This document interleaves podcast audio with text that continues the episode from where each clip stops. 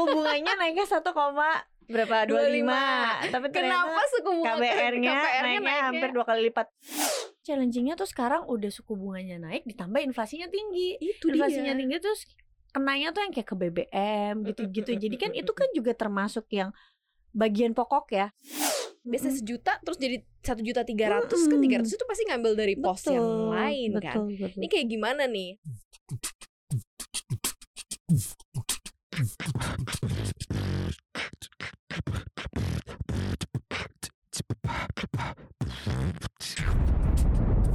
Cuap-cuap cuan. Halo Sobat Cuan, welcome to podcast Cuap Cuap Cuan spesial Hari ini adalah segmen interview with expert ya Kita seperti biasa selalu kayak update informasi yang memang lagi uh, booming banget Mhm. Plus uh, coba melihat rintihan Iya. kaum-kaum yang saat milenial ini ya Heeh, milenial ya. Bersama dengan Olivia Louis di sini financial expert CNBC Indonesia dan juga ada Maria Katarina. Kita mau bahas tercekik cicilan imbas suku bunga naik, Aduh, ya iya. kan? Kan kalau misal suku bunga naik udah berapa tuh? Berapa ratus bip sih dia naiknya? satu koma dua lima 1,25 ya. Indonesia ya Iya Indonesia. ha. Jadi dari yang sebelumnya sampai sekarang tuh gila banget sih ini itu ada potensi naik lagi juga potensi naiknya besar karena kan masih ngekor uh, Iya, The Fed. stance-nya The Fed ya. Oke, sekarang uh, implementasinya dan hal-hal yang berbau uh, makro ini ke kehidupan Anda Mhm. itu kan pasti langsung berasa ke cicilan Betul. khususnya adalah cicilan uh, properti ya. iya Kayak paling berasa ya. KPR paling berasa kalau mungkin suku bunga kredit nanti akan mengikuti sih biar gimana pun walaupun nggak sama tapi akan Iya. mengikuti bahkan jauh lebih gede. Nah, ini kita mau kasih tahu nih sebenarnya. Kan mungkin sobat cuan yang selama ini menyicil kemudian udah jalan setahun, dua tahun, tiga tahun ngerasa kayak oh fine apalagi kemarin sempat flat Iya, bunganya lama iya. gitu kan ngerasa aman damai aja nah sekarang mungkin ada yang udah di SMS atau mungkin udah di WhatsApp Mm-mm. sama eh, perbankannya udah bilang katanya tagihannya naik nah gimana gitu kan Iya. tagihan naik inflasi naik gajiku tak naik Iya. itu kayak curhatan banyak orang deh Curhat gaji aku. naik tapi apa apa mahal sama KPR-nya mahal tuh tadi Maria udah sempet singgung. SMS dari bank oh SMS cinta aku juga udah dapat loh Oh, SMS gitu? cinta Ya, iya kata-katanya ya kata-katanya selamat Selamat, eh, Ibu. Bang." kayaknya gak ada selamat ya sih tapi cuma kasih tahu kan aku juga udah masuk floating kan karena udah lima tahun akhir tahun ini jadi nah, udah naik tau nggak dari bunganya dari tujuh persen Mm-mm. aku lupa sih aku 7, koma berapa persen flatnya sekarang jadi 13 koma sekian kan perasaan naiknya suku Iya, bunga. suku bunganya naiknya 1, koma berapa? 25. Tapi Kenapa suku bunga KBR-nya KPR-nya naiknya hampir dua kali lipat. Padahal ya kalau kemarin tuh sobat cuan ada yang ngikutin public expose dari beberapa bank yang biasa suka ngasih KPR, bilangnya katanya tenang aja kalau suku bunga BI naik kita nggak akan langsung naikin kok tunggu tiga bulan ternyata nggak sampai tiga bulan udah pasti dinaikin Iya. dan yang cerita kayak gini bukan hanya aku aja gitu. Mhm, Jadi aku juga beberapa waktu lalu ada ketemu teman, sepupunya juga Mhm. udah mengalami kenaikan. Terus tadi juga salah satu tim CNBC juga ada yang cerita di sini dia juga sama. Bahkan eh, itu kan naiknya bunganya misalnya dari 7 ke 13. Kalau aku secara nominal naiknya tuh 30%. Itu gede sih 30%. Jadi misalnya kalau cicilan 1 juta nambah 30% jadi 1,3 juta. 1,3 juta Iya, yang di mana 30% itu kalau dari pendapatan lumayan juga kalau ngaruhnya. Bahkan tadi orangnya CNBC juga ada yang cerita dia bahkan sama juga dari 7 sekian persen jadi 13 persen tapi dia naiknya 50 persen. Tergantung Hampir jenis dari properti yang 50%. diambil juga kali ya daerah juga kan ah, pajak per daerahnya juga menentukan Betul. jumlah cicilan dan ini akan berlangsung sampai Iya. tingkat kepatuhan itu. kita selesai dalam menyicil Iya. PR banget ya Tadi sih? yang Kak Maria bilang kan giliran suku bunganya naik, banknya ikut naiknya cepet, Cepet, banget. cepet. Tapi giliran turun ya aku nggak pernah sih nego ketika turun ya. Cuma aku baca-baca dari beberapa teman gitu ya. Kadang mereka juga posting kan pernah gitu ngajuin ketika turun susah banget minta turunnya. tidak mungkin katanya Hmm. kan masa tumbuhnya enam bulan baru nanti turun Iya. gitu ya kemarin kita udah berbulan-bulan nggak cicilan rumah gue masih aja kayak Iya gitu kan? Gua tinggal Padahal nunggu 2020 kan suku bunga turun kan. Mm-mm. Kayak gue tinggal nunggu SMS cantik juga nih. Heeh. Sekarang kan akhirnya kita harus ke Mm-mm. real life ya nih, real money yang kita Mm-mm. pegang. Mm-mm. Iya naiknya segitu. Rumah ya tetap harus dong, karena kan ini tempat yang apa namanya tempat yang kita Kebutuhan gunakan, kemudian kita Kita juga pakai gitu kan bentuknya ya tempat berlindung Mm-mm. gitu. Mungkin ada yang sebagian buat investasi gitu ya, mungkin gampang ya mungkin dijual atau apa. Mm-mm. Cuman kan kalau bagi teman-teman yang memang menjadikan rumah ini Iya. sebagai aset walaupun aset tapi memang tempat tinggal juga Iya. kan tetap harus menghadapi kan tetap harus dibayar juga. Nah ini makanya Kayak kalau kayak gitu-gitu bisa nego-nego gak sih ke bank? Oh bisa sebenarnya jadi kayak aku waktu itu tuh kan jadi misalnya solusinya tuh sebenarnya kan ada macam-macam ya. Hmm. Ada yang kayak sekarang tuh ada bank syariah yang lagi gencar Mm-mm. untuk kayak yuk pindahin yuk kreditnya ke mereka. Mm-mm. Waktu itu aku ditawarin tuh kayak 9%. Jadi kan Mhm. sebenarnya 9% terus dengan tenor yang dipendekin, Mm-mm. dipendekin tapi ternyata eh, pas kita inget-inget lagi ya angkanya tuh masih mirip-mirip sama yang sekarang. Jadi Mhm. kita pikir sebenarnya kalau waktu itu kita pilih untuk pindah ada masih biaya lebih admin pindah untung. juga Nah, pasti tapi ada biaya admin pindah. Mm-mm. Pertama appraisalnya juga kayak kalau kita pindah bank itu kan appraisalnya eh, diulang ya kayak Mm-mm. pertama. Terus juga pasti ya bayar notaris segala Mm-mm. macam gitu kan. Ya pasti ada biaya-biayanya lah. Cuma kalau dipikir-pikir kalau angkanya sama tapi misalnya pindah bank tenornya bisa lebih pendek kan jadi sebenarnya lebih untung. Kalau Benar. tenornya lebih pendek 2 tahun. Iya, iya. Itu iya, sebenarnya iya, jadi kayak iya. sebenarnya lebih jadi lebih cepat. Ya, cuma permasalahannya mau repot atau enggak. Kadang orang juga kan enggak siap cashnya untuk kalau misalnya pindah bank untuk bayar tetek bengek tek- tetek bengeknya itu gitu. Mhm. Nah kalau aku waktu itu nggak pilih untuk pindah karena pikiran oh tadinya kayak mau dilunasin lebih cepet aja gitu. Jadi nggak apa-apa lah kena floating sebentar tapi ternyata pilihannya ya ada yang lain lagi gitu. Itu satu. Yang kedua kita tuh bisa. Aku ditawarin juga dari si bank. Dia bilang kalau misalnya kita selama bayarnya itu yang kemarin-kemarinnya bagus, Mhm. kita bisa loh ngajuin lagi untuk flat. Oh gitu. Iya, tapi Oke. mungkin satu dua bulan pertamanya masih kena tuh yang floatingnya. Mm, Tapi mm, kita mm, kayak ngurus pakai surat gitu. Hmm, gitu. hmm, hmm, Nah hmm. flat waktu itu mereka tawarin juga Flat kayak tapi dengan tenor bayar yang sama atau mereka yang sama, yang tapi sama? cuma kena flatnya dua tahun aja gitu. Oh, Jadi kan oke. selama Tapi dua nanti floatingnya lebih tinggi nggak dari ya yang balik lagi ke 13 nah, nah jadi Iya syukur 13 ya kalau suku bunganya lebih tinggi Iya. dari hari ini lebih Iya. tinggi. Aduh, let's go.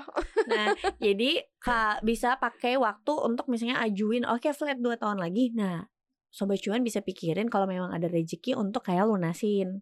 Di dalam dua tahun itu pikirin. atau kalau misalnya tapi kalau lunasin misalnya belum ada uangnya ya udah bisa coba kalau misalnya nanti dapat THR bonus tahunan kalau ada ya bonus tahunannya dibayar bunganya aja jadi paling enggak eh, bisa jadi lebih bunganya makin kecil kan otomatis nanti cicilannya ke depannya bisa Bener. lebih apa terbantu lah gitu. Atau bisa juga sebenarnya restrukturisasi restrukturisasi itu dalam artian adalah cicilannya jadi lebih kecil tapi bunganya sama tapi tenornya dipanjangin jadi, Jadi misalnya lebih panjang iya, lagi dong. tapi ya. biasanya kalau kayak gitu sayangnya adalah nanti kecatat di BI checkingnya tuh jadi kayak kurang bagus kan biasanya kalau Mm-mm. restrukturisasi kan ya pasti karena ada alasan kan gitu Mm-mm. ya atau dan sisanya biasanya kalau restrukturisasi tuh eh, syaratnya lumayan lebih Iya, berat karena kan iya. memang harus menunjukkan apakah kamu betul lagi bankrupt, di layoff dan iya lain-lain itu mesti jadi betul jadi atau misalnya juga resign kalau misalnya resign. nggak resign biasanya ada temenku juga case-nya gitu dia kan tadinya double income Mm-mm. Dia akhirnya restrukturisasi si KPR-nya tapi karena istrinya resign jadi dikasih Oh, sama si banknya. Karena dari double income jadi single income. Iya Oke, betul oke, walaupun oke. akhirnya ya dia freelance juga tapi akhirnya dikasih cuma kalau misalnya salah satu eh dua-duanya masih kerja gitu kan takutnya nggak bisa ya Mm-mm, mm-mm, mm-mm. restrukturisasi pasti kan bank lihat-lihat juga kalau dianggap masih mampu gitu Oke. Tah, kalau misalnya harus eh, tetap dibayar nih, misalnya Heeh. tan- tanpa memilih yang tadi, ini kan Iya. berarti harus ada tambahan biaya dong nih yang Betul. akan di ya per orang bulannya ya alokasinya tuh benar biasanya Mm-mm. sejuta terus jadi satu juta tiga ratus kan tiga ratus itu pasti ngambil dari pos yang Betul, lain kan betul, betul. ini kayak gimana nih harus harus memang akhirnya eh apa struggle di konsumsi atau ya biasanya lagi side hustle lain gimana nih kalau kayak gitu udah pasti yang harus dipangkas pengeluaran-pengeluaran yang maksudnya nggak penting-penting banget ya. Tapi biasanya ya kalau kayak Hmm. gitu yang kejadian itu biasanya yang dipangkas duluan adalah asuransi karena orang masih kayak oh ya udahlah nggak apa-apa nggak ada asuransi gitu ya. Mm-mm. Atau misalnya pindahin sekolah anak ini banyak kejadian sih waktu tahun Iya, 2020. iya, iya, iya, Itu iya. banyak loh yang orang tua pindahin anak-anaknya sekolah karena misalnya buat nutupin kalau dia mau paksain untuk rumah itu dipertahanin ya karena mungkin kan udah jalan berapa tahun misalnya lima tahun tujuh tahun kalau dilepas Mm. juga mungkin sayang ya kan gitu ya itu harus ada yang dikurangin kalau misalnya masih nggak nutup juga ya mau nggak mau kepepet ya harus Mhm. tingkatin set set income gitu. Harus Hmm. ada set hustle susah, tapi ya harusnya bisa sih. Harusnya bisa. Tapi Iya. kalau memang belum bisa dapet ya itu ya Heeh. konsumsi berarti yang harus Konsumsi. benar diketatin Iya, lagi betul. gitu. Makanya itu kenapa ya kalau misalnya kita kan biasanya kalau di dalam financial planning gitu ya maksimum tuh punya utang 30% aja Mm-mm, gitu dari pendapatannya itu untuk menjaga yang gini-gini supaya ada ada ada istilahnya masih ada jarak ya kalau tiba-tiba suku bunganya naik gitu kan. Ini ini masuk ke kategori darurat gak sih? Sehingga mungkin bisa agak sedikit eh, mengocek dana daruratnya Nah, misalnya. Itu juga bisa. Kayak yang tadi aku bilang kan, kalau misalnya tadi ada pengeluaran yang kayak misalnya asuransi biasanya orang pangkas tuh, ya udahlah mm-mm. gitu. Atau bisa juga ambil dari dana darurat atau nanti bisa yang jadi korban adalah dana pendidikan anak. Hmm, sementara, oke. ya kan? Mhm, mhm. Sementara atau misalnya investasi gitu-gitu. Mhm. Nah, ini kenapa ya kalau misalnya financial financial planner tuh selalu bilang sebelum investasi punya dana darurat dulu. Karena apa? Kalau tiba-tiba ada keadaan yang kayak gini nih, naik suku bunga terus kita belum siap karena income-nya belum naik kan Iya, iya. cari set hustle juga nggak gampang kan? Bener. Butuh waktu gitu. Betul Butuh waktu. Oke, sementara ya pakai dana darurat dulu. Tapi kalau misalnya nggak ada dana darurat, bayangin dong kalau misalnya in- investasi di instrumen yang instrumennya sekarang lagi koreksi. Hmm. Akhirnya Mhm, harus menjual di harga yang gak diinginkan gitu, mhm. ya kan? Dengan terpaksa. Iya, Iya. dengan terpaksa. Ya, jadi makanya itu kenapa lebih baik ya memang misalnya tadinya ada alokasi untuk investasi. Ya udah deh nggak apa-apa inve- eh, alokasi untuk investasinya dikalahin aja dulu sementara. Iya, Ya iya, kan? iya, iya. Sambil bener.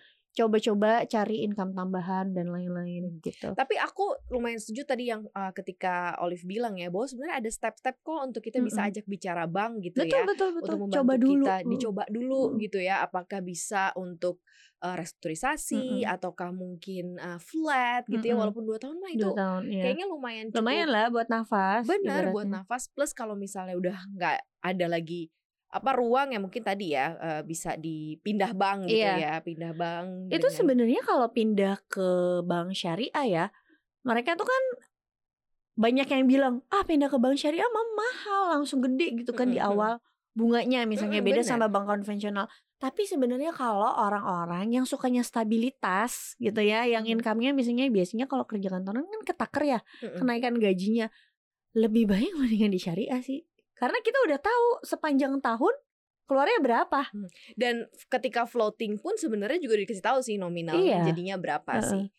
Itu Cuma keuntungannya ya, siap. itu keuntungannya. Mungkin kalau seandainya ada masih ada waktu lah ya, tapi mungkin Hmm. agak-agak lumayan tight nih di beberapa bulan Iya. karena harus tetap mencicil sambil proses. Jadi Iya. jangan didiemin gitu ya. Iya, sambil proses, bener. Jangan jangan didiemin gitu. Jangan nyerah, Seharusnya jangan aduh banyak gitu ya. jalan sih, banyak jalan. Coba ngobrol dulu ke banknya. Pasti kan Hmm. banknya juga ngerti lah.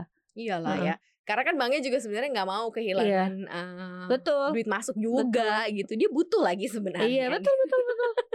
ya kan tinggal nanti kita ajak diskusi ajak ngobrol yang jelas eh, ya kita nggak bisa menjamin apakah kondisi seperti ini akan getting better or not Mm-mm, ya karena memang suku bunganya tinggi dan kita tahu lah dulu juga pernah di era suku bunga tinggi terus kemudian turun-turun tuh prosesnya juga lama Iya. dan panjang gitu ya sobat cuan jadi mungkin mulai deh untuk mencari-cari Iya. tahu Mungkin challengingnya tuh sekarang udah suku bunganya naik, ditambah inflasinya tinggi. itu Inflasinya dia tinggi terus kenanya tuh yang kayak ke BBM gitu-gitu. Jadi kan itu kan juga termasuk yang bagian pokok ya Benar. untuk pengeluaran kita kan kita nggak mungkin dari tadinya misalnya pakai motor jadi benar. pakai sepeda gitu dan kan BBM kantor. naik pun juga ngaruh ke harga-harga nah juga naik betul betul jadi sebenarnya in the lagi- daily basisnya kita udah Iya. udah sangat-sangat struggle banget betul tambah lagi cicilan bulanan Iya. ya mau nggak mau juga tetap namanya komitmen ya jangka Iya. panjang kan kalau punya properti ya Mm-mm. kayak gitu.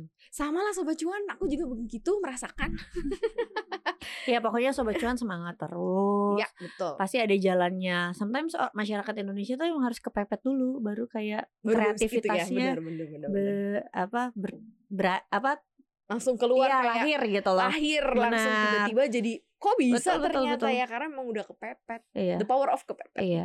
Aku juga soalnya dulu 2020 jadi content creator eh sebenarnya kepepet nggak kepepet ya tapi aku waktu itu mikir pertama kan mamaku sakit Mm-mm. yang kedua adalah 2020 tuh serem banget suamiku dulu kan masih kerja kantoran Mm. kebayang kan kita takut ya kalau tiba-tiba di PHK gimana jadi harus punya bumper gitu iya oke lah kita manfaatkan situasi Mm-mm. kepepet ini untuk bisa menemukan banyak jalan keluar. Hmm. Nggak cuma satu kok jalan keluarnya banyak Betul, ya, asal mau banyak. bersabar.